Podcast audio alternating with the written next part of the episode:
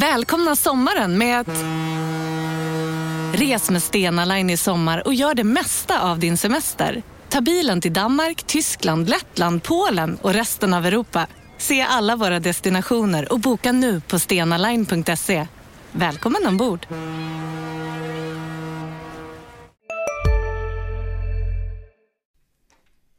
Då kör vi! När måste du dra sen då? Senast?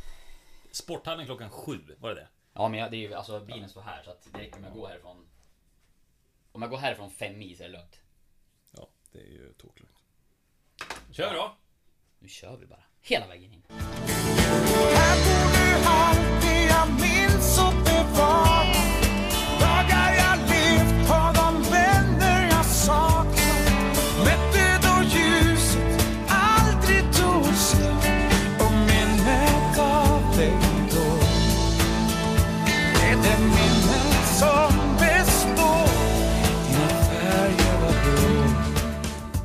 Lyssnar på GIF-podden avsnitt 30 med mig, Petter Öhrling och mitt emot mig i väldigt sportig outfit idag, Oskar Lund. Det stämmer. Du, eh, jag måste erkänna en sak direkt. Du sa att jag såg snabb ut här innan vi började spela in. Ja. Det är jag inte. Jag är jäkligt långsam. Du är en assistkung. Tack för det. Ja, är det någonting du vill, eh, vill du plocka upp den bollen lite grann? eller? Vi brukar ju prata om division 5 fotboll Ja, så här inledningen Ja, det, får inte bli, det får inte bli så långt den här gången som det blev senast av eh, comeback förklarliga skäl då Lukas Salin var tillbaka på fotbollsplanen men eh, Ja, jag är inte snabb gick men jag gjorde, jag gjorde faktiskt några assist igår, du har helt rätt i det. Det var kul! Ja. Och vi vann! Eh, på en fantastisk gräsmatta! Ja, Ljustorps IP. Eh, ja, allsvensk klass på underlaget måste jag säga. Förmodligen inte på spelet, men eh, det var nog underhållande ändå för det blev 10 mål i matchen. Mm. Eh, så publiken eh, fick väl valuta för pengarna om det nu var någon entré Ja. att tala om. Men, är snabb inte- är jag inte. och det är inte Uthållig. därför du ser sportig ut nu. Nu ska Nej, du träna Jag ska lira innebandy, jajamän. Det blir kul. Vad är det för slags innebandyspelare då? Eh, inte snabb där heller. Ledartyp? Ja, men jag kan väl, jag vill mer, mer få passa än att skjuta där också kanske. Och, eh, jag ligger på den här, jag kör på treans växel hela tiden. Eh, Konstant. Kan göra det väldigt länge, men jag har väldigt svårt att växla upp. Okej. Jag är som en dieselmotor. Entaktad fotbollsspelare skulle jag beskriva mig själv som. Ja. Nej, det är inget bra. Nej. Om vi hoppar direkt in i derbyt som var i helgen då. Ja, 1-1 hemma mot Östersund. Var du på plats? Jag såg det inte. jag var faktiskt inte det. Eh, jag var på, jag var på dop och eh, tanken var att, eh, ja, ta mig till Idrottsparken, eller nej. Berners Arena heter Ja. den. Eh, just för, eh, ja, till matchen då. Men det blev så tajt om tid så jag åkte hem istället. Så jag såg, eh, jag såg matchen på, på TV. Eh, tråkigt Du att inte vara där. Ja, det gjorde jag. Jag eh, missade en liten, en liten del. Försökte se ikapp det sen. Så att, eh, ja, men jag har sett i stort sett allt. Men eh, kanske inte riktigt med, med samma koncentration som om man eh, jobbar. Nej. Samtidigt är det vissa saker som är man ser nä- nästan bättre kan jag tycka när man slipper ha olika vinklar och andra tankar i huvudet. Så att eh, det är väl på, på gott och ont. Men i princip hela matchen har jag sett. För missade du starten så missade du väl kanske Giffarnas bästa period. Jag tyckte deras första 20 var väl det bästa de hade i matchen. Mm, och det var ju det till största del som jag missade. Men jag försökte kika på det lite grann i, efterhand och, och backa tillbaka eh, och titta igenom. Men eh, det är väl den delen jag faktiskt har sämst koll på, eh, krasst. Från, från matchen sådär. Men eh, ja, av det jag såg så, så var det precis som du säger, det var då Giffarna var som bäst och... Eh, ja, sen hade man väl kanske inte lika mycket. Nej. Nu är det ju några dagar, alltså torsdag när vi står och spelar in det här, så vi får väl ursäkta om vi har glömt bort så här, eh, målchanser och sånt i detalj. Men jag minns det ju som att Giffarna gick ut och tog tag i taktpinnen. Vad hade vi lite för målchanser i första halvlek? Var det Oj, någon solklar? måste jag tänka här nu. Det var väl... Ja, den chansen som dyker upp i huvudet direkt där, det är ju, det är ju Peter Wilsons eh, jätteläge. Men det var I ju... andra halvlek. I andra halvlek, precis. Eh, Det är den målchansen som... eh, Som jag får upp så här på en gång efter matchen. Jag kommer inte ihåg, var det några riktigt heta ta lägen där inledningsvis? på- Det skapades väl inte så där jättemånga heta Nej, det chanser av det jag såg. det var det. Det är liksom, det är Wilsons eh, ja, kanonchans som Som man kommer på sådär direkt och det var ju verkligen ett läge där det borde ha blivit mål. också. Ja. Det var väl en reflektion man gjorde sådär, såg ju matchen på, på TV om det var väl säkert likadant för, för er som var på plats att eh, Linus Hallenius var ju på väg in i det läget och eh, Fansen skrek ju också efter honom eh, och, och ropade Ja, det var ju Hallenius redan namn. innan Wilsons Precis. miss ska jag säga, så det var ingen reaktion på att Wilson missade. Nej nej absolut inte. Men jobbigt, jag tänkte just liksom Såklart tufft för honom i, i det läget att fansen ropar på en annan anfallare, han får ett jätteläge, bränner det Och sen kommer bytet. Det Ja, det är såklart sånt man får ta som liksom, professionell fotbollsspelare men, men eh, jag kan tänka mig att det Det var nog ganska tungt för honom eh, Efter att ha blivit utbytt där och, och den kvällen och kanske dagarna efteråt också eh, Det Ja, psykologiskt eh, jobbig situation som, som det blev precis Precis där då när supportrarna ropar på någon annan och man missar en sån chans Mm. Jag råkade faktiskt se just honom när han klev av planen efter matchen. Och då hade ju Giffarna, får man väl ändå säga, vunnit en poäng då med tanke på att de bjöds på en straff i slutskedet där. Men han såg ganska, eh, vad ska man säga, deppig ut eller ner ut sådär. Det var inga glada miner så. Nej, och det... det kan man ju förstå. Det var väl, eh, ja, det var ju ett gyllene läge för honom att att skjuta tillbaka lite självförtroende till sig själv och, och eh, ja. I det läget då hade det väl varit, eh, jag kommer inte ihåg när målchansen kom. Ja, nu såg jag inte det på förbundets hemsida för jag gick in på, eh, inte på livescoren där. Men det måste i alla fall varit ett läge att göra. Jag vill minnas det som att han blev utbytt omkring den 60-65 minuten. Ja. Då hade ju Östersund tagit ledningen med 1-0 på frispark. Darjan Bojanic. Och det kan vi väl också prata om den frisparkssituationen där Noah Sonko Sundberg blev lite eh, syndabock som slet ner... Vem var det? Nummer fyra, vad heter han? Är det greken?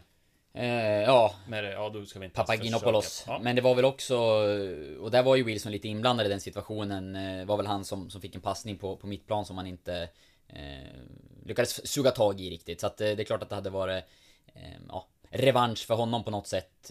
Och väldigt viktigt framförallt om han hade fått, fått göra det där målet. Och jag tror att det hade kunnat betytt en, en del för GIF Sundsvall också. Eh, det var länge sedan som, som han gjorde mål och han har fått en del kritik. Så att ett mål där i derbyt mot Östersund, det hade nog varit någonting som eh, ja, hade kunnat gett honom en, en ny start under hösten. Ja, båda Wilsons mål kom ju tidigt på säsongen. Nu har jag inte några exakta siffror i huvudet, men det är ju en liten måltorka nu på ganska många matcher för hans del. Jag tror det var april månad eh, Ja, som han gjorde sitt senaste mål. efter Örebro-matchen där som var i maj, när Hallenius gjorde mål bland annat. Möjligtvis att han gjorde mål i den matchen, men annars så måste det vara innan det.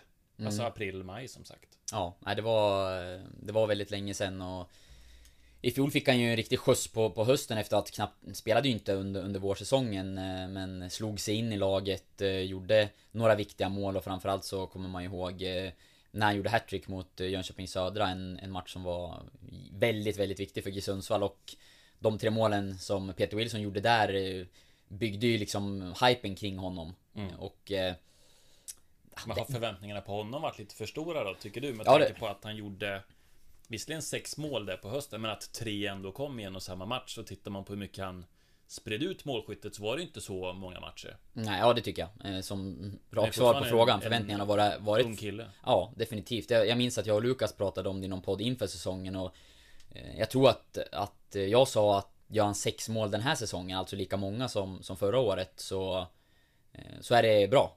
Det, mer än så tycker jag inte man kan förvänta sig. Han, det var ju hans första säsong på seniornivå. eh, Och han, han var ju inte ordinarie i Giffan utan tog, fick chansen under hösten när, när det försvann spelare och gjorde det bra. Och är ju en spelare som har varit duktig, liksom löpa i djupled och, och vass i straffområdet. Men eh, att det är någon liksom färdig eh, topp allsvensk forward, eh, det är det ju inte. Nej. Och, det, det har man väl eh, vetat om. Så att, eh, ja nej, men jag, min känsla inför säsongen var väl att antingen att han tillsammans med Linus Alenius kunde bilda ett bra anfallspar om man spelade med, med två forwards. Eh, och annars vara liksom, ja, konkurrent och, och avlastning till, till Hallenius. Eh, om han är ur form så, så kan Wilson starta och göra det bra och vice versa att de kunde växeldra lite grann. Mm. Ehm, Nu är ju Giffarnas främste målskytt den här säsongen, i nuläget, det är ju en mittback. Det är ju Marcus Danielsson. Mm. Hallenius också, ska ju sägas. Han har ju, de har ju båda gjort tre. Men Danielsson klev ju upp på delad intern skytteligaledning. Mm. Straffen där. Ja, han har ju en, en historik av att göra mål som, som mittback tidigare i karriären också. Sen eh, tror jag väl att Linus Alenius hade gjort eh, ett, ett antal mål till om han hade varit skadefri och, och inte haft andra saker som hade stört honom den här säsongen. Eh, Missat en match eh, när han blev förälder och skadad, Hammarby borta.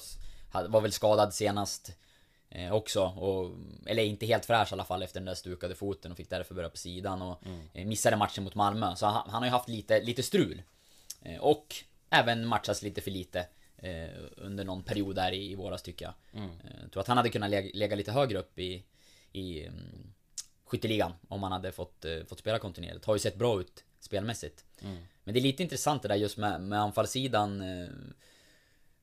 Ja, när, när Hallenius skrev på så såg man det ju framförallt som eh, att han och Wilson kanske skulle kunna spela tillsammans. Och det pratade ju Joel Cedergren om rätt mycket då. När man väl valde att kontraktera Hallenius. Att eh, man kanske ville ha en forward som var mer lite mötande och kom ner och, och kunde ta emot boll och vända upp och sådär. Och en mer djupledsforward. Att, att Wilson och Hallenius skulle kunna spela tillsammans. Så har det ju inte blivit. Nej, Eh, ja, de har ju snarare konkurrerat om Ja. den centrala anfallspositionen. Precis, och, och det gör ju också att någonstans att Samuel Aziz har, har hamnat illa till eh, Som eh, Visserligen har varit skadad stora delar av säsongen så Frågan är hur mycket han hade kunnat konkurrera ändå Men det är klart, hade man spelat med två mer renodlade anfallare Så hade det öppnat upp lite mer för honom också kanske att eh, Ja, åtminstone få, få göra inhopp och, och vara med på, på bänken. Nu har han varit utanför truppen ganska många matcher. Eh, Och eh, Ja, med tanke på att det är flera av de här spelarna i eh, de lite mer tillbakadragna forwardsrollerna eller vad man ska kalla dem nu. Som, eh, som inte har varit i bra form. Så kanske man... eh, Ja, frågan är hur, hur GIF Sundsvall ska ställa upp här under, under resten av säsongen. Jag tror inte att man kommer ändra så, så mycket men... Och jag har nog inte tyckt det heller. Jag tyckte de gjorde rätt när de gick tillbaka till... Eller ändrade till 3-4-3 efter att ha åkt på massa omställningsmål i början av säsongen och varit för svaga centralt på mitten. Men eh, som det ser ut just nu så kanske man skulle kunna hitta någon annan sifferkombination där man skulle få användning av flera av sina viktiga spelare på, på ett bättre sätt. Om man skulle använda samma sifferkombination, då skulle jag vilja se... Man vill ju ha Hallenius centralt, det vill i alla fall jag. Ja, samma här. Och då är frågan, ska man ut Wilson på ena kanten? Ja, kanske. Jag tycker inte han visar upp något jättesjälvförtroende just nu. Han lite svårt med touchen, tappar mycket boll, eh, får inte alltid så värst mycket att jobba med heller. Då skulle jag gärna se någon som Sebastian Rajalax, som jag tycker verkligen, när han har fått chansen, och det har inte varit så värst mycket den här säsongen, så tycker jag ändå att han har övertygat. Varför inte testa honom i en av de där rollerna och se hur det går? Ja, och han är väl i, i grunden är väl en yttermittfältare främst och mer offensiv än vad han har varit den här säsongen. Han har fått spela liksom wing, wingback då. Ehm, Jag tycker att eh, han är inte en så, så flashig spelare alla gånger men eh, jag vill minnas att vår kollega Salin gjorde någon eh, eh, någon vinkel på, på Rajalax när han hade anslutit till Giffarna och var här ett tag att eh, Jag tror laget tog fler poäng med honom på planen och han, han det är en liten... Ja, och jag tror han... Känslan är att han är en liten sån Och spelare sen liksom. en liten äldre spelare, Ja. det är många yngre som Morsey och Wilson och även i backlinjen eh, några yngre sådär att det behövs eh, folk med erfarenhet och lite ledaregenskaper och som vågar ryta till och sådär. Mm, och det har man ju pratat ibland om att eh, Ja, vissa tycker att det, att det saknas eh, I vissa lägen i GIF Sundsvall eh, Den, den typen även- av det spelare till- på planen Jag satt ju bredvid Lukas Salin på matchen nu i lördags? Söndags? Söndags. Det? Söndags. Och då sa jag där kanske när det var ja, men en kvart, 20 minuter kvar att jag tyckte det var ganska mycket hängskallar. En av få som jag tyckte liksom brann, det var ju Hallenius som verkligen liksom ville få igång lagkamraterna och Ja men ville att det skulle hända något och med en kvart, 20 minuter kvar, det är ju jättemycket tid när det bara skiljer ett mål. Men jag tyckte det var lite, ja men vissa som Det var lite hängskallar helt enkelt. Ja, går man in i en höstsäsong i det läget som, som Giffarna befinner sig just nu där det inte ser så speciellt bra ut i, i tabellen och när bottenkollegor rustar ordentligt och, och börjar få upp ångan då, då kanske man behöver fler karaktärsspelare på, på planen. Eh, Det är, det är ju en eh, balansgång det där liksom hur länge man ska hålla fast vid sin spelidé och hur mycket man ska justera och sådär och Ja, krasst så en poäng mot Östersund som går långt i Europa League och just nu är ett allsvenskt topplag eh, Är ju ingen eh, katastrof Nej. Men Samtidigt tycker jag att jag hade nog hoppats på, eller åtminstone så tror jag att jag trodde mer på Giffarna och jag tror framförallt att GIF-supporterna hade hoppats lite mer på ja, men insatsen i den här matchen. Att jag tyckte de hade lite ljusa stunder, inte minst de första 20. Men sett över 90 minuter tycker jag inte att de gör någon särskilt bra match. nej, nej men det tycker Och de inte ska vara väldigt glada över att de får en poäng till slut. Det var ju Hallenius när han föll var ju utanför straffområdet och mm, han ramlade väl knappt in i straffområdet för ibland om det sker liksom precis vid gränsen Och att man ramlar in i straffområdet, att det kan spela in men Nej det var ju Jag absolut tyckte att ingen han till och straff. med gick i backen utanför straffområdet. Ja definitivt. Nej det var ju abs- absolut ingen straff utan eh, Och Östersundsspelarna var ju fullkomligt vansinniga. Ja, det kan man ju förstå. Det, de skulle ju haft tre poäng i, i den där matchen och... Nej, men det jag ville säga var väl någonstans att jag tycker inte att det var något, något fiasko eller något, något jättebottennapp från Giffarnas sida. Men å andra sidan så... eh, Ja, varje poäng är oerhört viktig just nu och de, eh, de måste börja plocka tre poängare. Mm. Det räcker ju inte med liksom hedersamma förluster eller att nästan vara där eller göra gör bra prestationer utan ja, det är ju det är poäng som behövs och just nu så tar flera av bottenkollegorna betydligt fler poäng än vad, än vad Giffarna gör. Och fortsätter det så då, då kommer man ju åka ur Allsvenskan. Mm, jag ska ta fram tabellen framför mig här. Giffarna just nu på kvalplats alltså efter den eh, 1-1 matchen mot Östersund. 16 poäng, en poäng bakom Kalmar som, jag sa väl det redan efter jag hade sett dem slå Eskilstuna, att jag trodde att de skulle bli ganska otäcka nu under hösten. Och sen har de ju förstärkt ytterligare. Bara igår så snubblade jag väl över när vi... Du har ju gett mig en läxa som vi ska återkomma till, för jag har inte riktigt gjort den. Men då Aj, såg jag aj, att de aj. har ju också värvat eh, Filip Hellqvist nu och Mikael Dyrestam.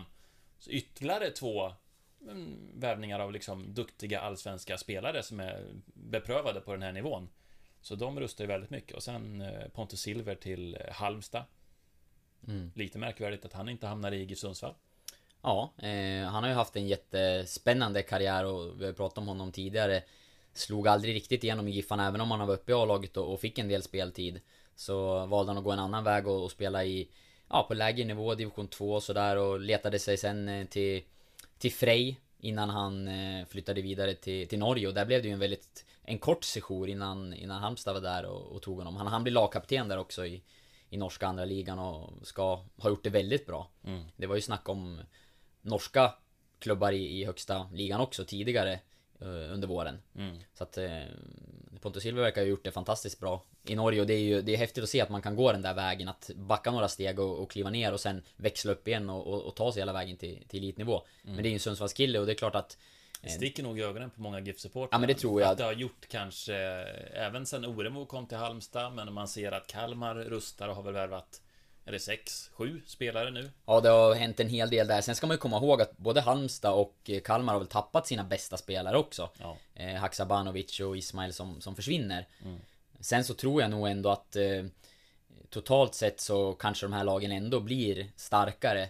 I och med att de gör flera värvningar in och man kanske förstärker på andra positioner och sådär. Och eh, ja, det kommer in nytt blod och det tror jag också kan vara positivt och, och ge en effekt i, liksom, i lag som har haft det jobbigt om GIF Sundsvall lyckas behålla hela sin trupp eh, Då Då har man ju kvar spelare som Danielsson och Larsson som man på förhand nästan hade räknat med skulle försvinna Batanero och Gracia har Om tillkommit jag bara får spekulera så tror jag fortfarande att de försvinner innan transferfönstret är slut. Det är ju, eller I alla fall en av dem Ja, i alla fall en av dem. Sen ryktas det väl om att en annan ska vara, ja, vi kan väl säga det. Erik Larsson, det spekuleras ju att han ska vara klar för eh, Malmö till nästa säsong. Så då får de ju ha kvar honom eh, säsongen ut i så fall.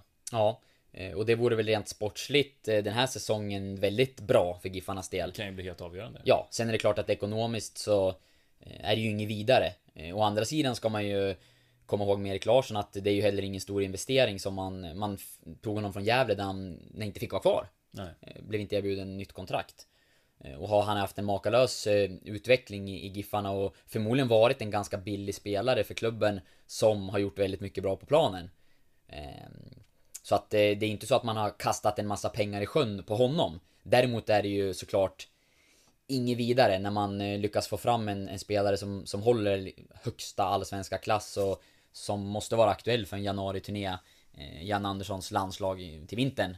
Tar jag Ja, det är ju för, mer tar för rent givet. sportsligt som det är en tung smäll. Ekonomiskt kommer de ju säkert tjäna en hel del på den affären och det ryktas väl om ungefär 2, 2,5, 3 miljoner. Ja, om de skulle och sälja det är honom ju nu. pengar som Giffarna behöver. Absolut, om de skulle sälja honom i det här fönstret så, så definitivt. Men jag tänker mer om, om det är så att han lämnar efter säsongen och går gratis. Så, eh, det, det kommer ju bli eh, många bli upprörda över såklart och tycka att det, det är dåligt ekonomiskt. Och det är det ju, för det är ju en spelare som, som man eh, potentiellt hade kunnat tjäna ganska stora pengar på om man hade haft honom under ett längre kontrakt. Eh, kanske förlängt tidigare eller liknande.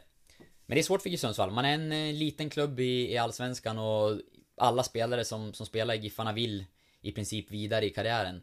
Och då förlänger man inte sina kontrakt i, i första taget. Det, det är nog ett, ett tufft jobb att, att förnya de där avtalen. Det är bara att kolla på hur det ser ut i klubbar som IFK Göteborg, Malmö FF. eh, Massa spelare som sitter på utgående kontrakt men eh, Smällarna blir kanske inte lika hårda där när man har en annan ekonomi som framförallt Malmö har. Nej, verkligen.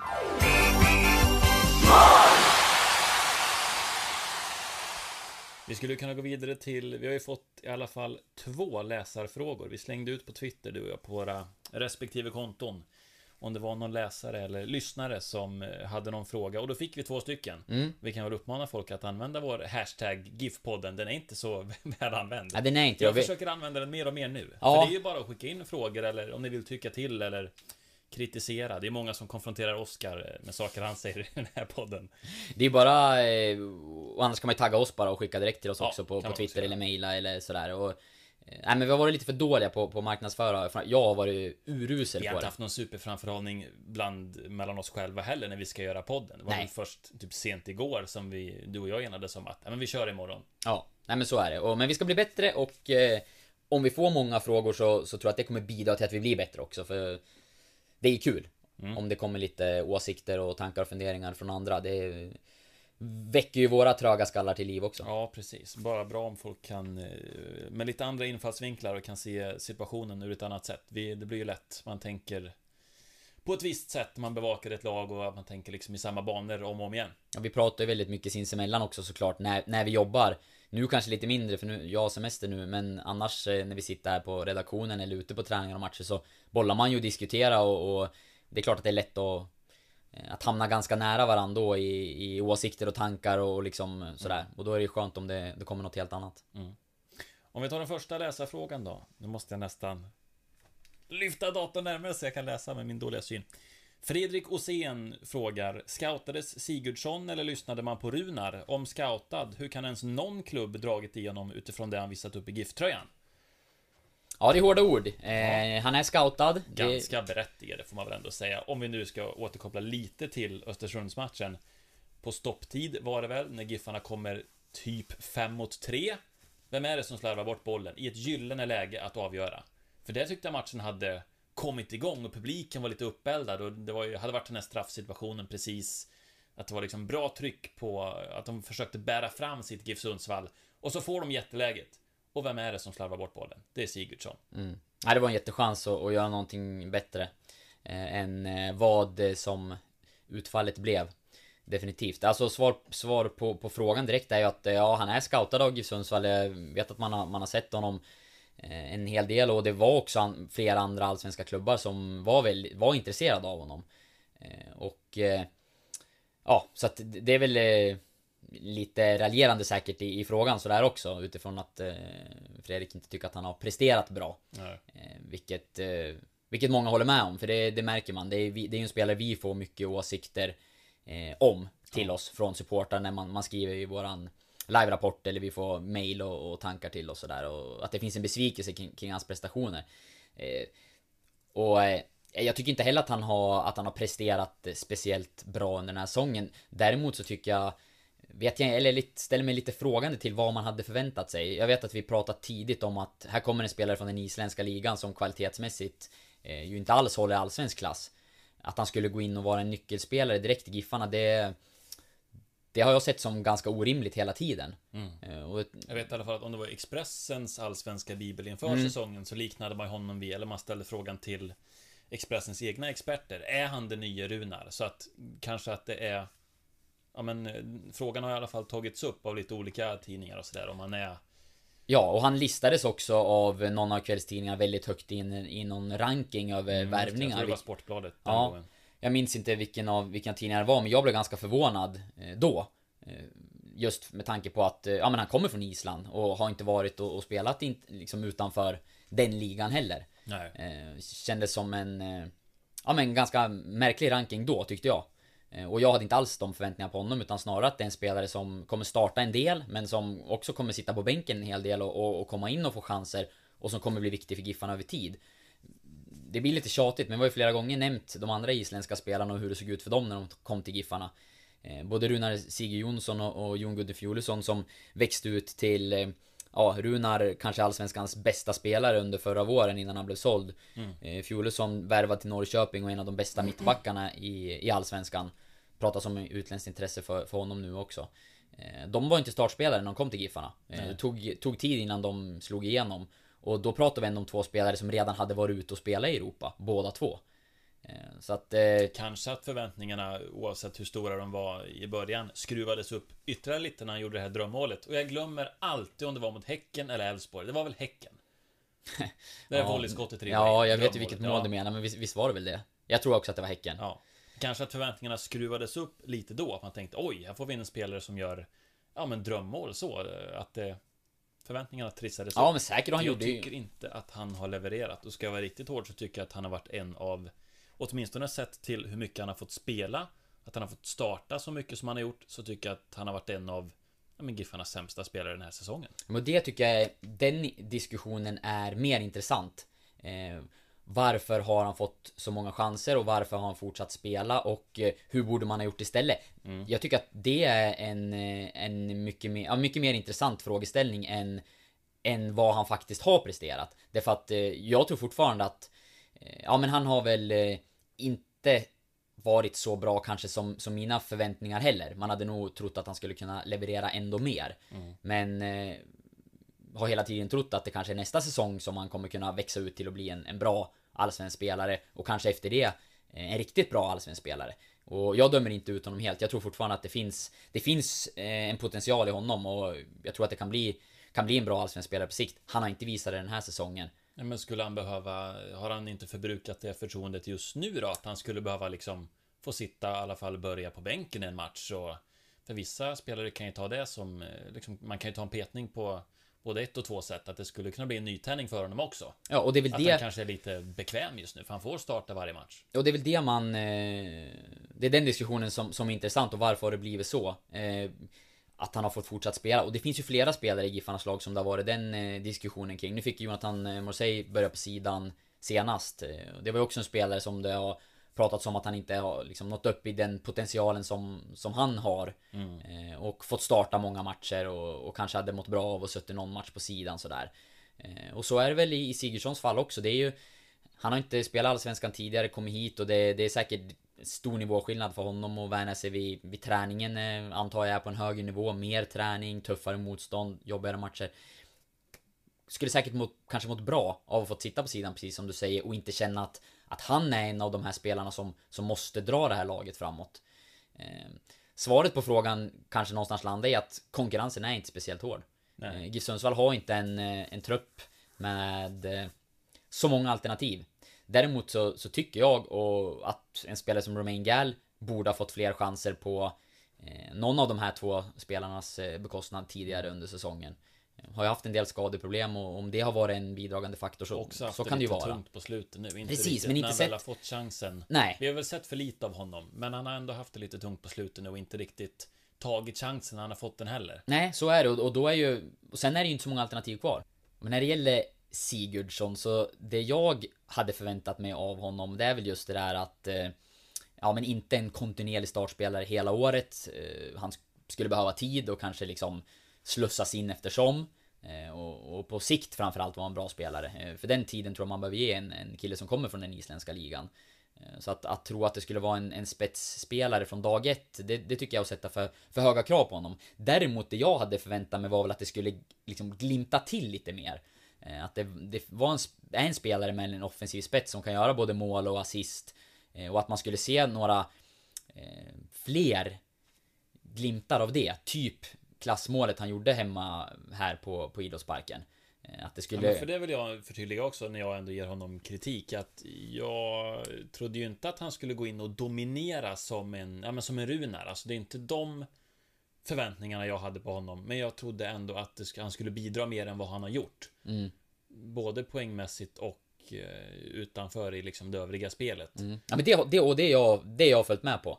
Jag trodde också att eh, om han nu... Jag trodde inte att han skulle spela så mycket som han har gjort. Men nu när han väl har gjort det så, så borde det ju ha blivit mer, mer produktion och, och, och hänt ännu mer. Precis som flera andra av de, de offensiva spelarna i, i Giffarna. Eh, Eh, Men eh, jag hade väl trott på liksom en, en kanske ojämn säsong, en spelare som skulle kunna komma in och för, bidra till att förändra en matchbild med en del matchavgörande eh, passningar, skott, eh, den typen av aktioner. Men att det inte skulle vara en spelare som, som gjorde det match efter match och som inte spelade 90 minuter match efter match. Och förutom det här målet då, som var mot Häcken, alternativt Elfsborg. Har inte varit så mycket Så mer. jag kan inte komma på en enda sån situation där han har gått in och varit tungan på vågen eller skillnaden eller slagit den där avgörande passningen. Det enda jag tänker på det är ju situationen när han har passat istället för att skjuta eller han har väntat för länge på att skjuta eller han har Mm. tappat bollen när Giffarna kontrar i slutminuterna mot Östersund till exempel. Nej, och, det, och där undrar jag, det är där jag tycker den här matchningen är intressant. Som är, som vi var inne på alldeles nyss, den, den mest intressanta delen av diskussionen. Att han har fått fortsatt spela och fått väldigt stort förtroende. Hur mycket har det bidragit till det här? Hur är hans självförtroende just nu? Hur mycket, har- för det är ju kanske beslutsfattandet eh, som du är inne på, eh, tycker jag, blir en liten röd tråd i det där. Att, att det inte har varit eh, klockrent alla gånger i spelvändningar, i avslutssituationer, i passningslägen. Eh, och hur mycket av det som sitter i, skallen att man verkligen vill bevisa någonting, att man... Han känner säkert att han är en spelare som, som eh, många tror på och det har varit skriverier om, om honom inför säsongen och sådär. Ha ett, eh, ett tryck på sig att han vill leverera och bidra mycket. Och, och då, jag kan tänka mig att en sån spelare som kanske hade tagits av i ett tidigare läge och eh, Ja men att man hade varit tydlig med honom eh, Du får sitta någon match nu. Eh, Du är inte där än att du ska vara våran avgörande spelare. Du kan bli det på sikt Men du är inte det nu. Jag tror att han hade kunnat mått bra av det Och att det är kanske så man borde ha matchat honom tidigare den här säsongen. Eh, Och det gäller egentligen fler spelare också som, ja unga spelare som, som Giffan har gett väldigt stort förtroende Under säsongen men som Kanske inte har varit helt redo att, att axla det, liksom, den manteln än. Ehm, det hänger såklart ihop med den här tunna truppen. Att man kanske känner sig tvingad till det och att eh, det ändå är det bästa alternativet. Men för att få ut mer av eh, Kristin Frey Sigurdsson som är spelaren vi, vi pratade om och som frågan ställdes om så tror jag att det hade kunnat vara en del. Eh, Och jag tror inte att kritiken hade blivit lika hård heller. Jag vet inte vad du tror men hade det varit så att man tidigt märkte att Nej, men det här är en inhoppare som eh, kommer in och gör bra saker ibland och han kanske får starta någon match och eh, man Ja, pratar... men för det är lite det man ställer sig emot också, att han får förtroendet från start i match efter match efter match och man undrar lite, men vad är det han har bevisat? Eller vem är det han har mutat för, Mm. att, för att få starta match efter match?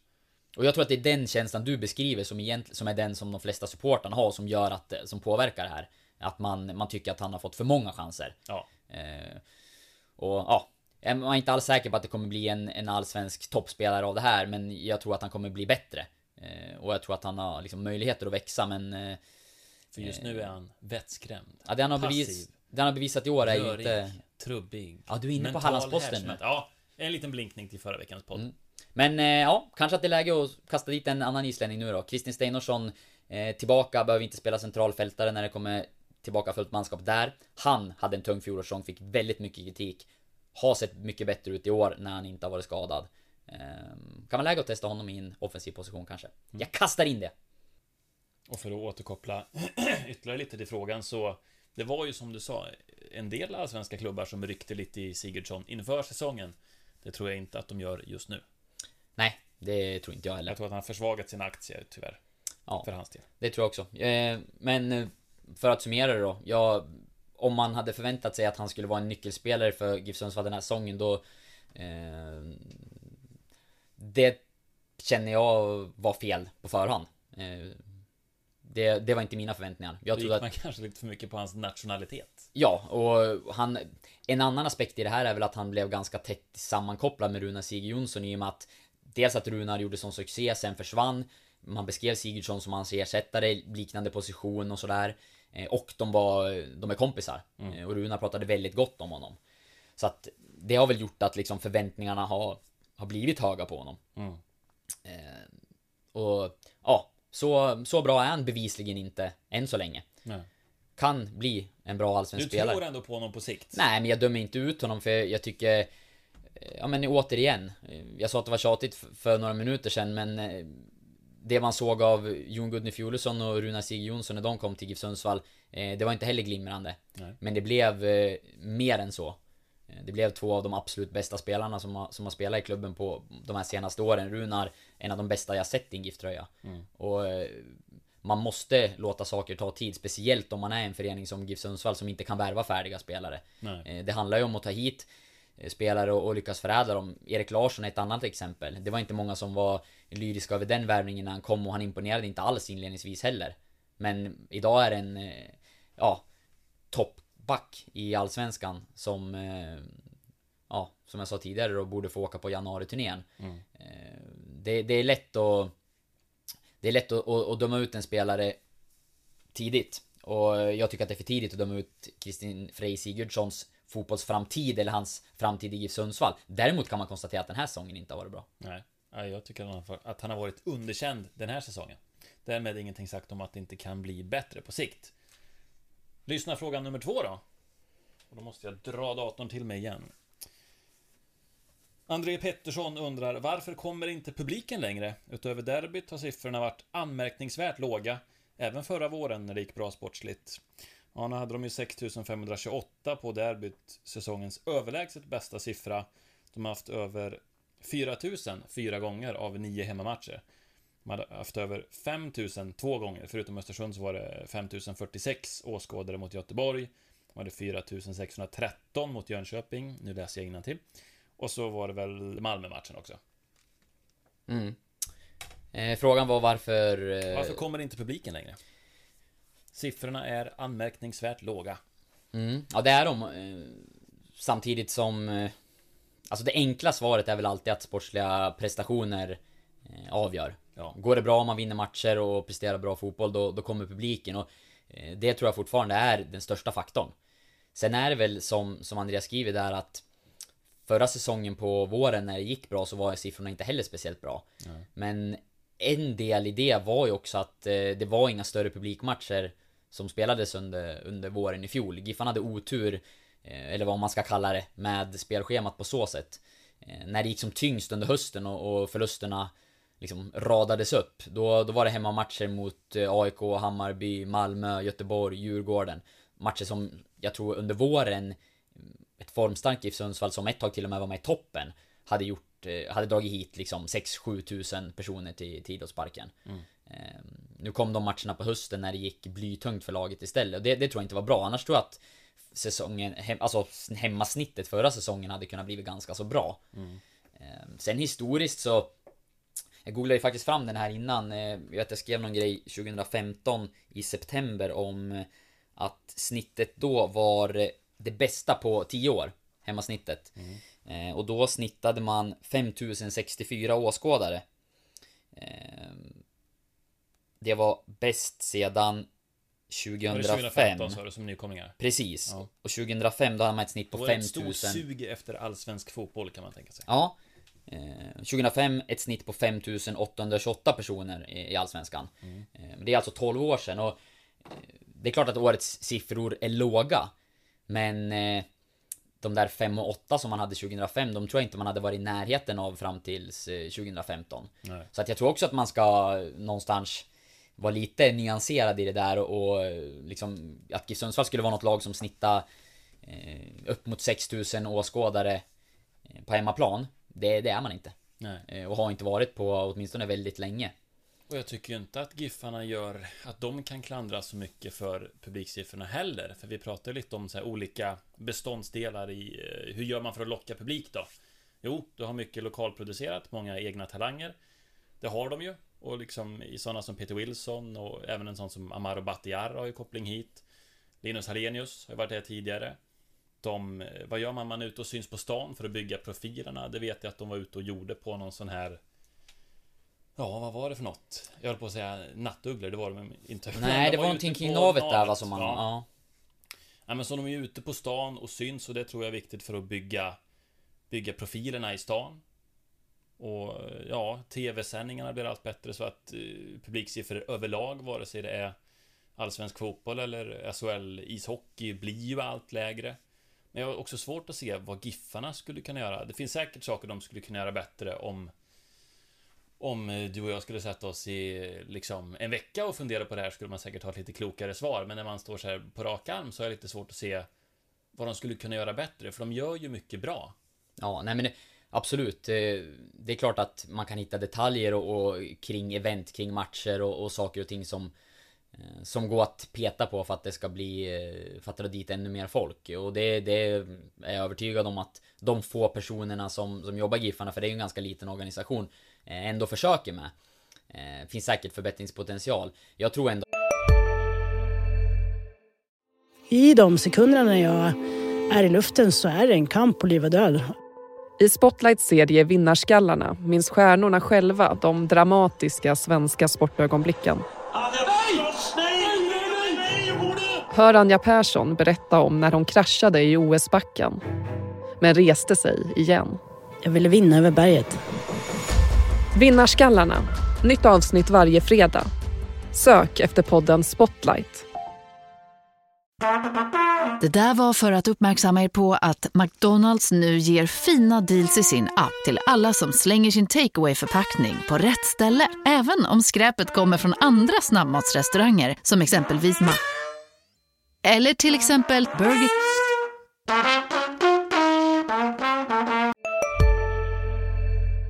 att grunden är spela bättre fotboll, vinn mer matcher. Alltså det, är det, det är enkelt, eller det låter ju väldigt enkelt. Eh, eh, Är bevisligen inte så enkelt. Eh, inte den här för det säsongen i alla fall. med ekonomin och allting också. Är det ett lag som vinner, ja då är det många som kommer att titta på dem. Och då är det många som vill spela där också. Nej, och Och är det det, mycket som kommer att titta på dem, då får de in mer pengar. Och då kan de köpa lite bättre spelare och så det är ju liksom... ja, så är det ju. en cirkel. Precis, och, och någonstans så är det väl lite grann sådär, den, den, det publiksnittet man har och intäkterna som det ger, det är väl lite grann vad, vad det här, den här regionen tycker att det är värt att ha allsvensk fotboll. Eh, liksom, det är krasst. Det för att, för att Giffarna skulle ta ytterligare steg och, och kunna ha en bättre trupp än vad man har i, i dagsläget till exempel och, och vara den här klubben som kanske gör investeringar under sommaren här då som, som de andra bottenkollegorna. Då är ju ett högre publiksnitt en stor del. Skulle det vara fler åskådare på, på hemmamatcherna skulle de tjäna mer pengar och, och kunna ha en, en mer kvalitativ fotbollstrupp än vad man har idag. Eh, sen är det alltid svårt det där hur man, vart man... För Giffarna får ju en del kritik också för ja, att man inte kan värva nu under sommaren. Det är, jag ser många tycker till om det att Kalmar värvar, Halmstad värvar, varför, varför värvar inte, varför värvar inte Giffarna? Eh, en del i det är att båda de har gjort mångmiljonförsäljning här under, under sommaren såklart som, som bidrar till att de kan ta in spelare. Eh, sen är det svårt för oss hu- hur mycket man än granskar och försöker att veta exakt vart stoppas pengarna och hur sköts ekonomin och hur prioriterar man spelarlöner och, och liksom organisationen och sådär. Det, det är ju väldigt svårt att ha total insyn där.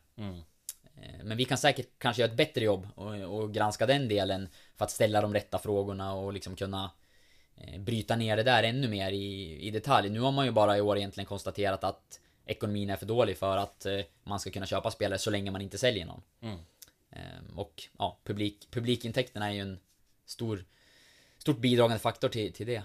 Jag tror ju mycket på att vara ute, spelarna i laget och visa upp sig på stan och träffa liksom folket i Sundsvall, vilket de har gjort då till viss del i alla fall.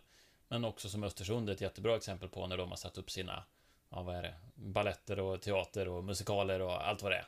Men att vara ute och liksom och bli, eh, bygga spelarna som profiler. Att folket i Sundsvall vill komma och se på Giffarna. Mm. Ja, men man vill ju känna någon tillhörighet och samhörighet med, med de som spelar i, i klubben.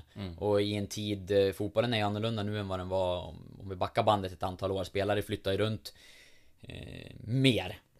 Här kanske inte lika länge i klubbarna och sådär och det är svårt att Och sticker i lite tidigare ålder generellt Ja. också. det är svårt att, att få den liksom eh, ja, de, de starka banden och, och liksom eh, Ja, att man kan inte räkna med att spelare ska vara kvar lika länge i klubben heller som en Tommy Naurin eller, eller liknande men eh, Jag tycker ju också som du att, att när det gäller identiteten så har ju Giffarna gjort det ganska, ganska så bra med många egna spelare som har flyttats upp och återvändare som kommer tillbaka i David Myrestam och Linus Hallenius och sådär och eh, det, det borde ju liksom finnas en grund för att de här spelarna skulle vara stora profiler i stan och eh, att folk ska känna att eh, det är deras lag och, att spelarna liksom ja, har, har starka band hit. För det fortsätt- tror jag mycket på också, att många vill liksom se, ja men det är grannens pojk som blir inbytt där liksom. Mm, ja men det tror jag också. Det tycker man har sett. Eh, ja men ta en sån... Säger jag, värmländsk. ja, Jag fint. är från Karlstad. Eh, nej men det tycker jag man märker på en sån som Linus Alenius har fått mycket uppskattning nu. Ja. Känns det som från supportrarna och eh, det, han har inte alltid varit uppskattad heller. Jag vet, minns ju när han, när han lämnade Sundsvall så fanns det ju, var det en del kritik också mot honom. Eh, En ung liksom kille som kom upp med och ville liksom ta sig fram och så. Eh, Och sen så försvann han till Hammarby och sådär. Så jag tror inte att det alltid har varit helt smärtfritt gentemot supportrar och sådär. Men nu känns det ju som att han har ett väldigt stort stöd. Eh, Dels tror jag för att han är en Sundsvallskille som, som kommer tillbaka. eh, Och ja, är tillbaka i sin stad liksom. Att det finns många på läktarna som, som tycker att det är extra kul. Att han spelar för Giffarna och att han som du var inne på för bara några minuter sedan. Det känns som att han brinner och att han vill någonting och att han, att han vill att det går bra för klubben. Eh, Och det... Sånt uppskattar ju supportrar. Och det är väl en av anledningarna till att en sån som Tommy Naurin är så populär också. Eh, Han pratar ju ofta mycket om att, ja, han vill att det ska gå bra för Giffarna och det är inte, det är inte bara sin egen karriär han ser. Eh, annars tror jag att sån, det omvända kan ju verkligen sticka i ögonen.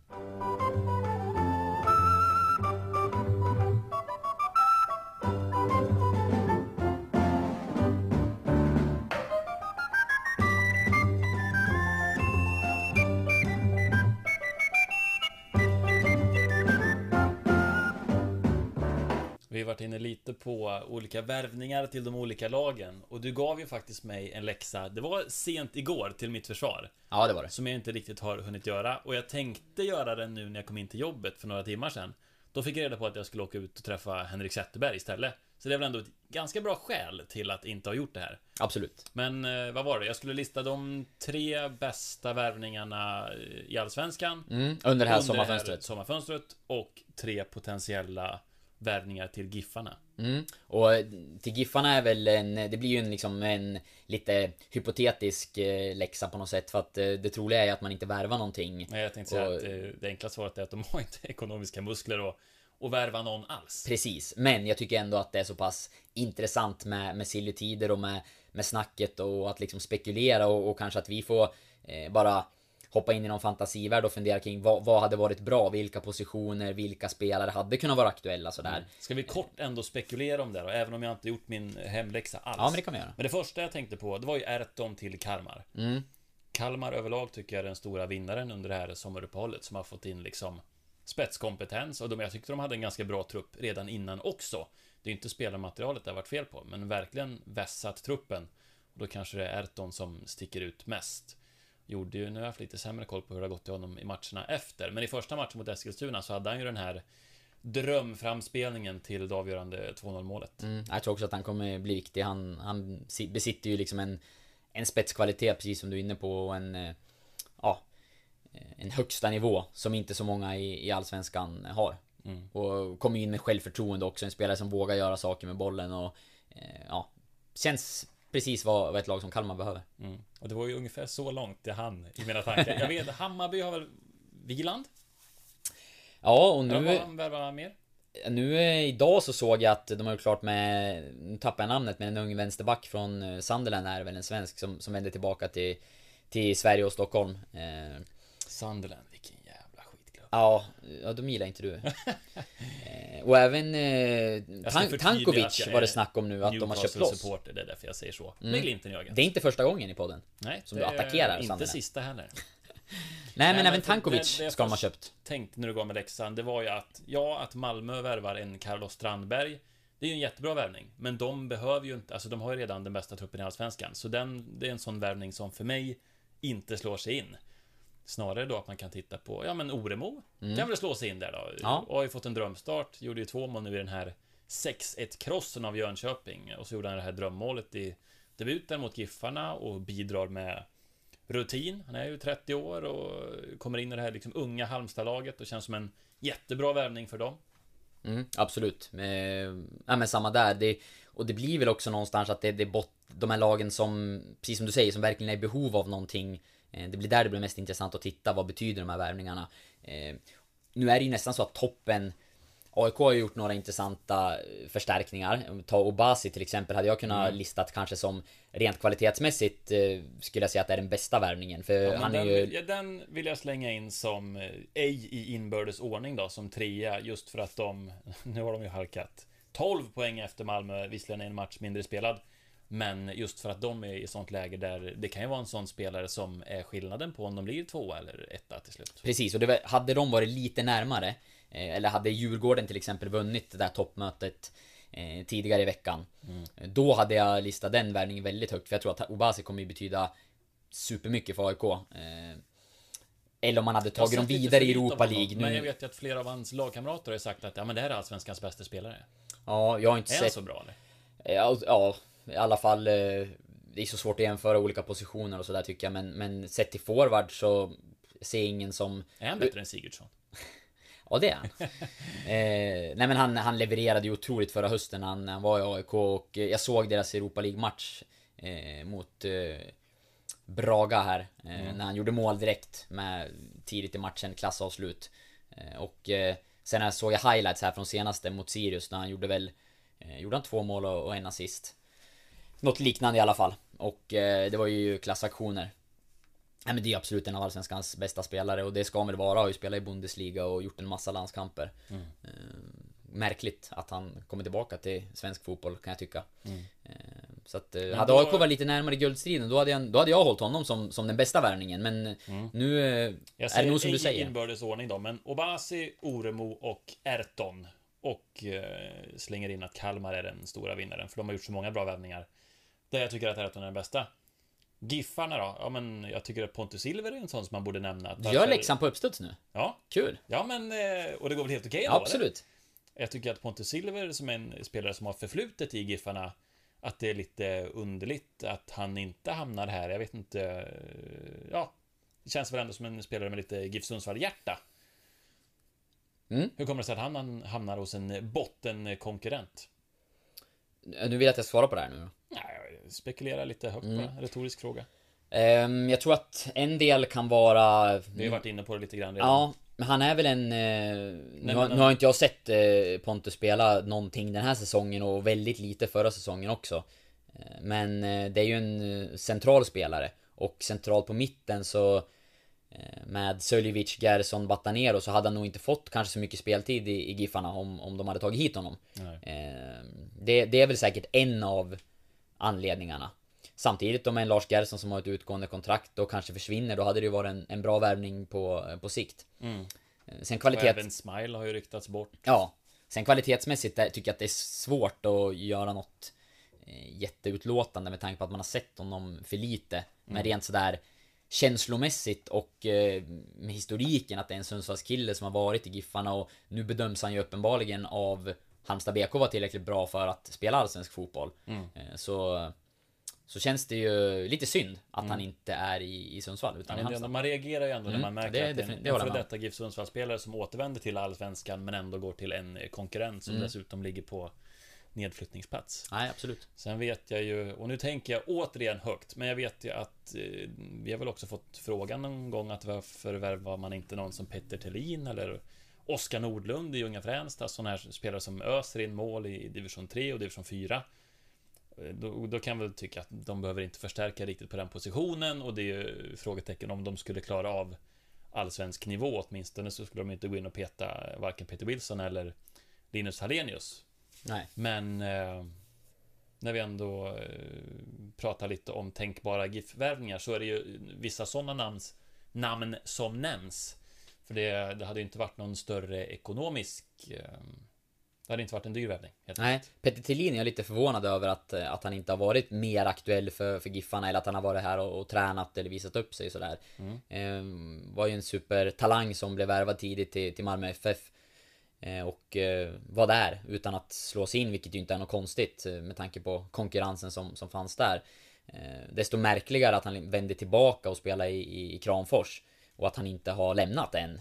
Var väl nära med Gävle inför den här säsongen, provtränade ju med dem och, och som jag förstod det så, så ville de ha honom men han valde att stanna ändå. Ehm, ja men i, i hans fall så, så tycker jag också att utan att kunna alla turer som har varit bakom och hur, hur pass intresserade Giffarna egentligen har varit så är känslan att eh, de... Fan vad vi står och spekulerar i den här podden. Ja men man, Jag- jag tänkte på det när så jag där, det, det är ju helt omöjligt att veta.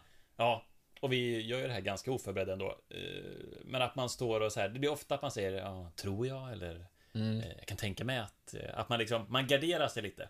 Ja, och... man vill ju inte gå in här och läsa från ett manus heller. Nej, precis. Då hade det nog blivit ganska tråkigt. Då hade vi knappt kunnat prata om någon spelare. Men eh, av det jag har hört så har inte Giffarna varit speciellt eh, på Petter Thelin. Nej, Och det är så eh, jag har förstått det också. det, det kan jag tycka är li- lite märkligt. Han hade åtminstone kunnat fått eh, komma hit och, och, och träna och visa upp sig och de hade fått sett honom i sin miljö för att se om är han tillräckligt bra. Det kanske han inte är, men eh, provar man inte så, så får man ju inte veta. Nej. Och då skulle jag alltså behöva ett namn, en tredje tänkbar GIF-värvning. Eh, Jag skulle kunna gardera mig och säga att jag har sagt tre nu med tanke på att jag hade både Oskar Nordlund och Peter Thelin. Men ja, sen tar det faktiskt lite stopp. Jag vet inte vad det skulle vara. Vi kan ju nämna att eh, de har förlängt kontraktet med Filip Tegström. Mm. Det har man gjort. Eh, och eh, ja, vad ska man tycka om det? Har ju fått hela den här säsongen förstörd av en Ja, och första reaktionen, eller en av de första när han gick sönder var ju just det att han hade ju ett kontrakt som gick ut och att eh, jobbigt läge för en ung talang att bli allvarligt skadad med utgående kontrakt. Eh, kan inte bli mycket värre när man han har inte hunnit visa upp sig heller på, på en seniornivå som skulle göra andra klubbar intresserade. Eh, så är det en spelare man tror på så, ja, jag har svårt att kritisera att man väljer att förlänga kontraktet med en egen produkt som, eh, som har gjort liksom Ja, han har väl spelat landskamper på, på ungdomsnivå och som Ja, man har haft i A-laget och trott på. Då är det väl rätt att han får chansen att eh, slå sig in också. För den chansen fick han ju inte den här säsongen med tanke på skadan. Nej. Och jag flyttade hit i februari, så jag har fortfarande inte sett honom in action så. Mitt största intryck av honom, det var jag har sett honom på gymmet, där han har rehabbat och har fått köra lite mer överkropp än vanligt då kanske. Att han gjorde, det var nog 10 muscle-ups. Och jag orkar ju inte en sån här. Jag tror du får berätta för alla lyssnare vad Ja. en muscle-up är. Det blir ju svårt att förklara. Men man gör ju alltså typ som en kin. Det är alltså, det är väl otydligt nog bara att säga att man gör en kin, men Man, håller, Du- man, du- man tar tag i en stång och häver sig upp. Häver dig upp mot bröstkorgen. Och där ungefär, så långt sträcker sig hur stark jag är till exempel. Här så trycker han alltså upp sig på raka armar. Som i en dipp. Och det här gjorde han, ja men 6-7 gånger var det nog. För jag, jag stod inte och stirrade på honom. Men... eh, Jo, det gjorde du. Ja, det gjorde jag. Nej, men jag, jag tittade lite med ett halvt öga och då, det kändes som att han gjorde 10 stycken. Mm. Så jag noterade att han var väldigt stark. Ja, eh, det, han har ju varit fysiskt utvecklad tidigt. Alltså varit i sin ålder, eh, en fysisk spelare och, och storväxt och sådär. Men eh, ja, det där vittnar ju ändå om en, eh, en riktigt imponerande styrka. Ja, imponerande tyckte jag också.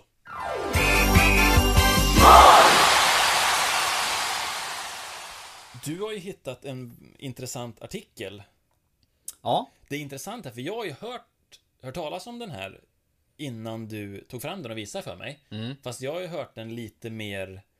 tillspetsad va? Mm, det handlar alltså om Thomas Brolin som har varit ute på krogen i Sundsvall. Och vi, vi kan ju börja med kanske att läsa upp den då, eller i alla fall delar av den. Jag vet inte hur mycket du lyckas läsa där. Jag har tagit en, Ja, har en tagit printscreen en- på mobilen och jag tror att den, den bilden jag har där är ju också en bild av eh, en artikel. Det är någon som har plåtat av. Så att det, man, det är inte jättebra kvalitet, men du kan ju försöka. Men för jag nämnde väl någon gång att säga, ja men och så den här bilden på Thomas Brolin där han, och så sa du, ja men den har jag i min telefon. Mm. Och så visar du. Och då var det ju inte så tillspetsat som jag har hört, men ändå en ganska vass artikel i, är det Dagbladet? Eh, jag vet inte, jag tror att det där till och med kan vara en av kvällstidningarna faktiskt. Men att, eh, att bilden okej. var såld dit, jag är inte säker. eh, ja, för visst är det en SD-fotograf som har tagit bilden i alla fall. Han står, eh, han står och dricker vad som ser ut att vara en drink, kanske en gin och tonic. Har han inte en i varje hand? Jo, det har han faktiskt. Två drinkar då. Och så står han bredvid någon dam och någon kompis typ. Mm. Här laddar Brolin. Tagen på bar gärning i Sundsvall. Det var rubriken. Nu ska vi se. Lalala. Bildtexten. Thomas Brolin var i Sundsvall i fredags och hade en kul kväll.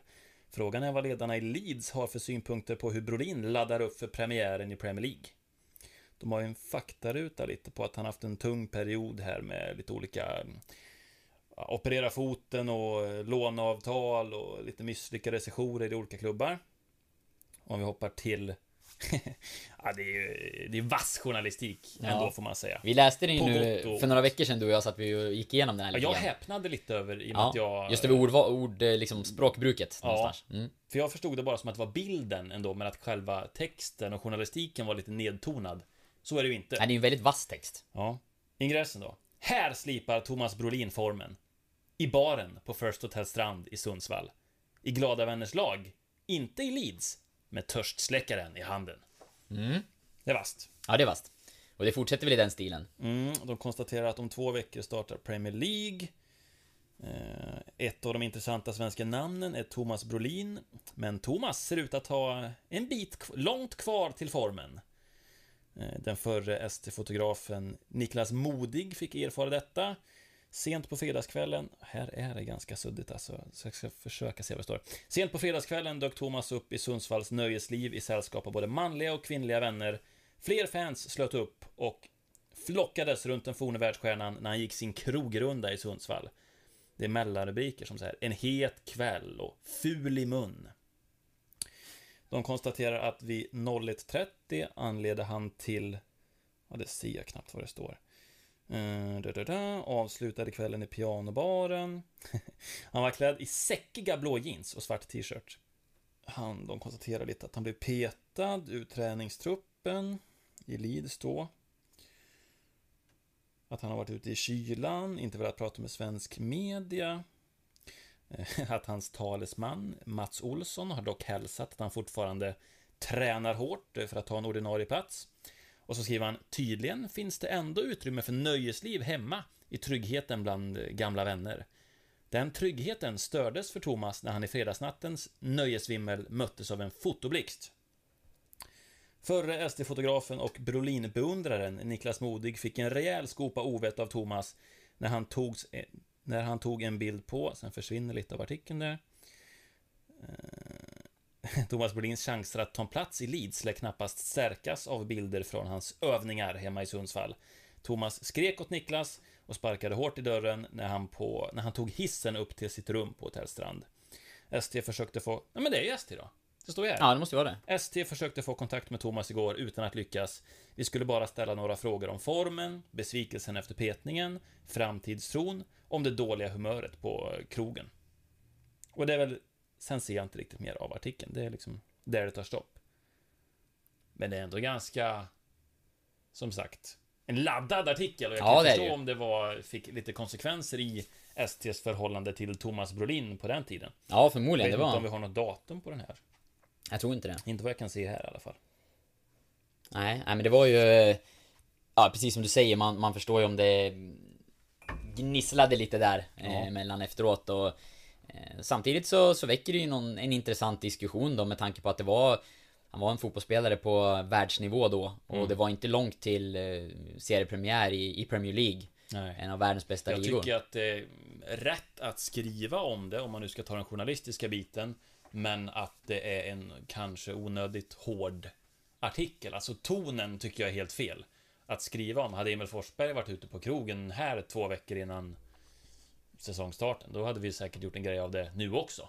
Det, det som jag tycker är lite, eh, det som är förvånande, som man, nu vet man inte bakgrunden sådär, var, var, varför var han i Sundsvall två veckor innan premiären? Borde jag varit på någon form av träningsläger och, och, och kört hårt? Det Ja. håller det som ganska osannolikt att någon av världsspelarna idag skulle vara eh, på resande fot. Ja, det ska vara för en blixtvisit och över en kväll och sen flyga tillbaka. Eh, Ja. Kan det i och för sig ha varit, men ja, lite märkligt att han Men det är var i Sundsvall så nära också hur spelare idag, för det är väl kanske dit vi ska föra diskussionen, att spelare idag är mycket mer utsatta. Det här var ju ändå, ja men säkert 20 år sedan. Jag tänkte på det när du läste artikeln, jag undrar vilken spridning den här fick. Det, var- det var ju i en, i en papperstidning, eh, vet inte ens om den liksom publicerades på nätet, den här texten. Nej. Eh, Kanske inte. Och... Det, Jag tänkte nästan säga, fanns det ens, eh, hade ST en hemsida då? Ja, precis. Och, och det är ju liksom en... En, eh, en helt annan värld som, eh, som dagens elitspelare lever i med Ja men dels media, hur snabbt det går när vi rapporterar någonting och hur fort en nyhet sprids. Eh, Skriver man en, en, en nyhet om en om GIF Sundsvall idag, en bra nyhet, eller ja, intressant nyhet, så, så vet ju vi att den snappas ju upp av, av konkurrenter inom några minuter och finns på flera sajter kort efter att vi har publicerat den. Så fungerade det ju inte då. Och till det kommer ju att varje privatperson mer eller mindre sitter på en eh, publiceringskanal numera eh, i form av Instagram, Snapchat, eh, Twitter, Facebook. Alltså, det filmas med telefoner med liksom högkvalitativa bilder som egentligen alla går runt med möjligheterna att, att plåta eller filma. Eh, Och det är ju Den så kallade medborgarjournalistiken har ju aldrig funnits i någon större utsträckning än vad den gör nu. Nej, verkligen inte. Och, och det tror jag... För det här är ändå en fotograf som har tagit fram en riktig kamera. Ja. Och tagit en, eh, en bild och, och tydligen stört Thomas Brolin också då, med tanke på att han reagerade på fotoblixten och sådär. Ja, men lek med tanken att typ en Zlatan Ibrahimovic hade varit på, på krogen i, i Malmö kort innan, två veckor innan seriepremiären med Manchester varit United förra en- säsongen. Innan en landskamp. Ja, det var väl efter en landskamp till och med va? Ja, efter kanske va? Eh, de, de bilderna hade ju kablats ut av hur många personer som helst Mm. Kort därefter eh, Det hade ju liksom Det hade varit helt omöjligt att röra sig på, på krogen Men Thomas Brolin var ju en av Sveriges absolut största fotbollsspelare Ja, en av Sveriges absolut mest kända människor Precis. överlag.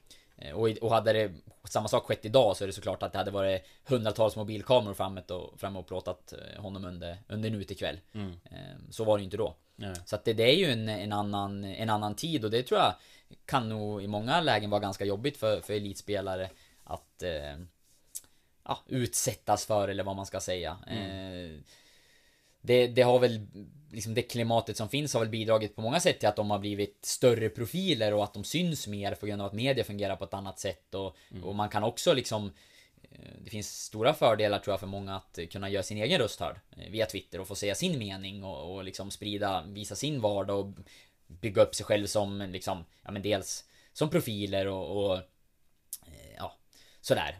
Mm. Varumärken är det ju till och med i vissa fall, hur sjukt det än eh, låter att säga det om, om fotbollsspelare. Men så, så fungerar det ju nu. Det är väl Ja, men det positiva, ju- men det negativa är ju hur, hur pass påpassad man blir och att det är svårt att vara anonym. Ja, det är ju på gott och ont. Och jag får väl tänka lite på hur jag formulerar mig nu. Men jag har ju också sett en GIF-spelare under den här säsongen som jag bara såg på stan. Det var väl klockan 23.15 dagen innan en match. Och det hade varit lite frågetecken om den här spelaren skulle spela eller inte på grund av skada. Och det gjorde han ju inte till slut. Och jag har ju verkligen ingen aning om eh, ifall den här spelaren drack. Nu tänker jag ju inte namnge vem det var, så det spelar ingen roll så. Men jag vill ändå säga att jag har ingen aning om ifall den här spelaren var full eller det såg jag ju inga tecken på. Utan jag satt på en uteservering när han eh, passerade i eh, vänners sällskap. Och det kan ju mycket väl vara så att han bodde in i stan och var i säng vid 23.30 och hade, han, hade de sen samling då klockan 11-12 dagen därpå så kan han ju ändå gå hem helt nykter och sova 10 timmar och så är det ju ingen större sak. Men jag tänkte just det att om jag sitter där och reagerar man är ändå eh, har ju lärt sig att vara lite källkritisk och att inte dra några förhastade slutsatser och absolut skulle man inte skriva någonting utifrån en sån grej. Däremot så kanske snacket går när någon annan som inte riktigt tänker så ser en GIF-spelare ute på stan och reagerar. Vad fan, de har ju match imorgon och nu är klockan 23.15 och ja, att de är utsatta på det sättet. Mm. Ja, vi diskuterade ju där, du och jag lite grann då att eh, det, är, det är så svårt att, att veta, just som du säger, man, eh, det var ingen eh, du såg inte den här spelaren på, på krogen likt Thomas Brolin med en drink i handen utan Nej. det kan ha varit att eh, Han var ute på stan. kollade på film och skulle gå ner på, på OK för att köpa mjölk till frukosten eh, och låg i sängen en kvart senare, precis som du säger.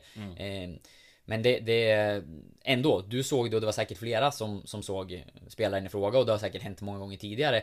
Och det har ju säkert också hänt att spelare har misskött sig och, och inte laddat upp på ett bra sätt. Eh, och varit där man inte borde vara dagen före match eller liknande. Eh, Och den här spelaren spelade ju inte matchen dagen därpå, så på ett sätt är det väl synd att han inte skulle kunna gå ut och träffa lite kompisar och sen vara hemma, liksom om han är hemma före midnatt, det är ju det är ju ingen big deal Nej. på något sätt. Men ändå så kanske man som elitspelare då måste tänka både en och två gånger på att kommer det bli något snack nu om jag går ut och gör det här? Och på så sätt så är det ju det är ju den negativa delen med det här. Mm. Nej, och det, man, generellt kan man tycka att, ja men dels ett, att man, ett krav att vara, att vara professionell och ladda upp på bästa sätt inför, inför matcher och att komma bra förberedd till, till träningar också. Det är ju deras jobb och eh, det, det kan man ju absolut kräva. eh, Att eh, det ska vara liksom 100% professionellt inför träningar och matcher. Eh, Utan tvekan. Eh, Sen eh, så tillkommer ju den här delen som du säger att liksom sända signaler att det kan tolkas fel. Det är ju svårt att styra över och då kan man, man kan ju å ena sidan tycka att eh, Ja men så länge man, man sköter sig och gör det rätta så Skitsamma vad, vad folk runt omkring Tycker, tror och tänker och Det kan ju vara en hållning Och sen så kan det ju andra vara att Nej men det, det är onödigt att det blir något snack eller att folk eh, Spekulerar och där, då är det bättre att se till att inte liksom vistas i de miljöerna eller Nej. synas ute överhuvudtaget sent på kvällen. Ehm, och eh, ja, rätt och fel. Det viktigaste tycker jag är att, eh, att man liksom förbereder sig hundraprocentigt professionellt. Att det är bra att man sover i tid, att man får bra med sömn och äter bra och liksom eh, inte slarva med det. Eh, Så länge man, eh, man får nog gå till sig själv ändå liksom och veta att gjorde jag allting för att maximera att, vi, att jag skulle prestera. Eh, Sen kan jag väl ändå tycka att i vissa fall och, och kanske framförallt då Det är också en klassiker om, om ett lag har förlorat att en spelare syns ute på stan på restaurang eller krog eller vad det är. Det är också en sån där sak som man vet att supportrar kan tycka sticker i ögonen. Att gå ut och Ja, det finns ju exempel på det. Jag tänker direkt på Magnus Nygren i Färjestad när de åkte ut mot HV71 var det väl. I hockeyslutspelet så var, det, var han ute på stan dagen efter och då var det någon eh, Färjestad-supporter Minns jag det som, som ändå drog upp en kamera och började filma och häckla honom lite grann och Det är den risken som hela tiden finns, att någon drar upp en kamera och filmar den här spelaren och eh, ja men kanske säger något om vad fan gör du ute vid den här tiden? Ni har ju match imorgon, eller vad det Ja. nu kan vara. Nej, och det- På tillfället då. Precis. Och det, så det är väl, om jag ska summera mina, mina åsikter så är att eh, man kan definitivt ställa hårda krav på att elitspelare ska, ska förberedas på bästa sätt och, och, och vara liksom 100% professionella i det. Samtidigt som jag tycker att det är viktigt att i den tid vi lever med, det är så lätt att sprida rykten eller åsikter eller liksom felaktigheter. Eh, spekulationer som blir till en sanning eller sådär, så ska man passa sig också tycker jag. För att eh, eh ja, bidra för mycket till, eh, till sånt. För att det- går väldigt fort. Det räcker, som du i ditt fall, att man ser någon promenera på stan. Eh, och några led senare så, så har man liksom, är snacket att någon har varit på krogen. Och, och druckit alkohol dagen innan match liksom. Mm. Eh, Den slutsatsen jag drog där och då var väl Jaha, han spelar inte imorgon och det gjorde han inte heller. Nej. För då hade det varit som sagt varit ett eh, frågetecken på om han skulle spela. Och det tolkade jag som att, ja men då lär han väl ha fått höra att han inte spelar imorgon. Mm. Ja. Nej men det, det är väl en uppmaning vi kan skicka med då kanske att eh, Så länge man eh, inte vet säkert vad som har hänt så ska man inte sprida vidare för mycket heller. Det, Nej. det Jag är lätt hoppas att... ändå att vi landade i någonting av substans här till slut. Ja, eventuellt så gjorde vi inte det men eh, Det var ju kul att diskutera i alla fall. Ja, tycker jag med.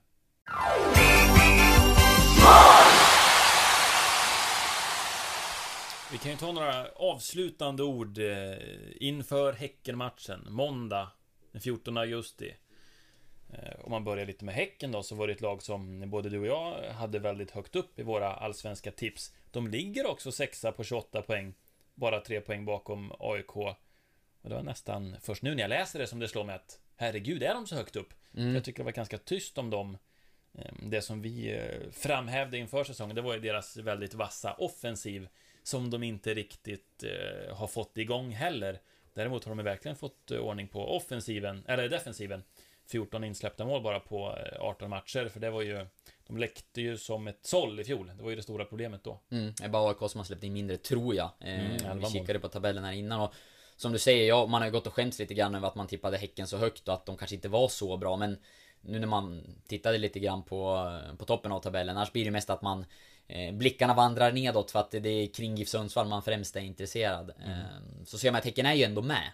Eh, och det är klart att det är ett väldigt eh, skickligt lag som Giffarna ställs mot. Det kommer bli en tuff match. Eh, saknar väl Alexander Farnerud är långtidsskadad om jag inte är helt ute och cyklar och han håller ju jag som en av de bästa spelarna i Allsvenskan när han är i, i fullt slag. Mm. Men eh, är en tuff utmaning och kommer krävas en, en bra prestation av Giffarna för att, för att ta poäng. Mm. Utan tvekan. Och jag är, åtminstone om jag hade varit GIF-supporter, hade jag nog varit lite pessimistisk. För jag tycker inte att spelet har varit så övertygande på slutet. Åtminstone har man inte fått det att funka i 90 minuter. Eller ens 45 minuter eh, nu på slutet. Att det inte är den mest imponerande resultat, eh, resultatraden man har. Bortsett kanske från 1-0 seger mot Halmstad. Mm. Som jag tyckte de spelade bra. Men eh, om vi ska prata lite om startelva och sådär. Vi nämnde Sigurdsson tidigare. Det är en spelare som jag eh, ändå skulle vilja se att de plockar bort. Nu var ju Romain Gall, eh, gjorde väl inget jätteavtryck senast i derbyt heller. Men kanske att man ska propagera för att få in Sebastian Rajalax då. Mm. Eh, skulle vara intressant att se honom i en annan position. Nu är det som, som wingback han har fått chanserna och gjort det bra oftast när han har fått, eh, fått spela. Eh, kan vara läge att, eh, att testa honom lite mer i en offensiv position och, och se vad det ger för, för utslag. Jag tycker ju någonstans att eh, som man spelar nu eh, han är ju, jag tycker att han är bäst ute på kanten eh, och där han liksom får, får storma lite grann och, och, och trycka sig fram och, och eh, ja, bryta lite mönster. Eh, Så hur väl han skulle fungera i en sån här eh, Ja, är det interterior position de kallar det? Eh, vet jag inte. Men, eh, och det kanske man har testat på träning, inte när jag har varit där och kikat. Men det skulle vara, jag tycker det skulle vara intressant att se honom högre upp i planen i alla fall. Eh, Kanske man kan vrida lite grann på det där systemet också. Eh, Men eh, ja, nej, det, jag tycker inte alls att du är ute och cyklar där. För jag håller med dig om att Sigurdsson inte har fått det att lossna spelmässigt. Eh, Och det är ju flera spelare, precis som du säger, Gal tog ju inte heller chansen senast på så sätt. Jag Tycker att det har sett ut som att det har funnits mycket i honom och man har länge tyckt att han borde få chansen att få spela lite mer. Nu tog han den inte fullt ut senast och blev ju utbytt också. Så att... Mittfältsmässigt så får de tillbaka Gerson. Smile är väl tillgänglig, så att jag skulle gärna se de två. Vilket innebär att Batanero som startade mot Östersund börjar på bänken. Mm. Ja, jag skulle också sätta Batanero på, på sidan från start. Eh, väldigt höga förväntningar på honom inför säsongen, inte minst på grund av hans briljanta insats i en halvlek i träningsmatchen mot, mot Östersund. Men det syns ju att eh, han är eh, inte helt i slag, inte helt redo och eh, ja, han är väl en liten eh, besvikelse för många supportrar tror jag utifrån de här första matcherna. Just för att förväntningarna var så pass höga på honom. Eh, Samma sak där. eh, Det kommer bli en bra spelare för GIF Sundsvall nästa säsong. Eh, Kommer säkert göra några bra det har insatser under hösten också. med ända sedan både Carlos och Batanero kom att Inte minst Batanero då som var knäskadad Och inte har tagit sig tillbaka helt och hållet än Att det är en spelare som vi tror på Främst till nästa säsong Ja, och jag tror, jag tror jättemycket på honom utifrån det man har sett på, på träning och i träningsmatcher. Eh, Men eh, han, eh, jag hade också hoppats på lite mer från hans sida under de här första matcherna som han har fått chansen i nu och det tror jag GIF-ledningen också har gjort. Mm. Så att inte nått upp till den nivå som han besitter även om han har glimtat till med, med några väldigt fina aktioner. Men nej, jag bedömer nog också att Gerson och Söljevic är det bästa in i mittfältsparet än så länge. Så svår match som väntar mot Häcken eh, Sen hemma den 21 augusti är det väl så har de ju Kalmar Som alltså ligger en eh, på 13 plats precis ovanför kvalstrecket, en poäng ovanför Så det är nästan den matchen som blir eh, mest intressant och som jag redan tänker lite mer på, på den matchen än Häckenmatchen Jag med, för det är då jag gör comeback efter min semester, första dagen tillbaka i tjänst. och Börjar med Kalmar hemma för Giffarnas del. Perfekt! Rivstart! Ja, det är ju klockrent. Så att man är ju rätt taggad på börja jobba, även om man fuskar lite nu och kommer in och spela in podd så... Det tackar vi för Mm, ja det är kul. Eh, så att, nej men det, det ser jag fram emot, den matchen och den kommer betyda väldigt mycket. Jag vet inte vad vi sa där om de här offensiva positionerna, vi nämnde Rajalax men det är klart att Steinorsson, eh, när han inte behöver spela centralt på mitten och nu är tillbaka efter skada, eh, han är högaktuell för att spela i, i en sån offensiv roll nu. Och, eh, nej men läge att låta honom starta där. Det har varit väldigt intressant att se då Raja, Laxo, Hallenius och Steindorsson uppe i anfallet, tremananfallet Mm. En total skiftning från eh, senaste matchen. Ja. Eh, nej men någon, någon förändring i alla fall. Jag tror inte att man startar på, på samma sätt som senast eh, i just de två positionerna. Och jag tar för givet att Hallenius startar så länge han inte har för mycket skadeproblem eller sådär. Så det efterlyser vi och innan vi avslutar Jag f- gjorde ändå ett försök på läxan Mm, just det. Lite på volley Ja, nej men ja, det gör Sätter du för såklart... betyg? Ja, men i och med att det, på ett sätt så är det ju ett minus att du inte hade gjort den. Innan vi stro- drog igång podden. Å andra sidan är det ett plus att du lyckas ta den på volley och, och klara det. Så det, du är absolut godkänd. Ja. Eh, det är du. Men inte mycket mer än så Nej, inte så mycket mer än så. Eh, jag hade kanske velat haft något namn som stack ut lite mer där också. Oremo förväntade jag mig. Mm. Eh, och Basi var jag med och hjälpte Jag dig till. du hjälpte eh, till lite med den På Även Giffarna blev jag det bara två av tre. säga att jag hade tänkt på det Ja, men det- igår när jag låg och skulle sova Det hade du nog. Eh, Giffarna blev det bara två va? Eh, Förslag. Beroende på hur man ser på saker Ja, men du får en trea då. Ja, men jag, jag tar På en sexgradig mittmeddaskala. Det är godkänt. Ja, precis. Ja, det är godkänt. Mm. Ja, och jag lovar att återkomma. Jag ska väl twittra ut min eh, läxa till dig då. Mm, så det får göra. världen får se. Nu kanske inte du är med nästa vecka. Nej, jag kommer nog vara på resande fot då, så vi får väl... eh, Du får leverera någon sorts eh, podd nästa vecka eh, om du inte ringer mig, så tar vi det över telefon. Och Jag annars... lovar ändå att det ska komma ut en podd nästa vecka. Jag är glad att du kommer in så här som du har gjort nu två veckor i rad. Kommit in till redaktionen så vi ändå har fått ut en podd, för det är ändå här ljudet blir bäst, tror jag. Men jag lovar att det ska komma ut en podd även nästa vecka, med eller utan Oskar Lund. Nu är klockan 19.02 och din innebandyträning började för två minuter sedan. Jag är på väg. Det är bra. Hej! Hej!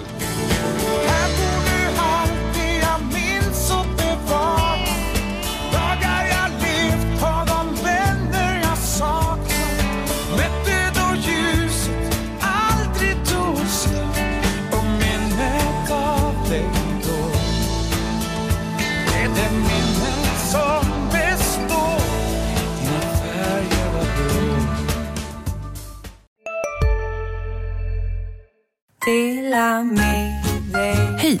Är du en av dem som tycker om att dela saker med andra? Då kommer dina öron att gilla det här. Hos Telenor kan man dela mobilabonnemang. Ju fler ni är, desto billigare blir det. Skaffa Telenor familj med upp till sju extra användare. Välkommen till någon av Telenors butiker eller telenor.se. Hej, Synoptik här. Så här års är det extra viktigt att du skyddar dina ögon mot solens skadliga strålar. Därför får du just nu 50% på ett par solglasögon i din styrka när du köper glasögon hos oss på Synoptik. Boka tid och läs mer på synoptik.se. Välkommen!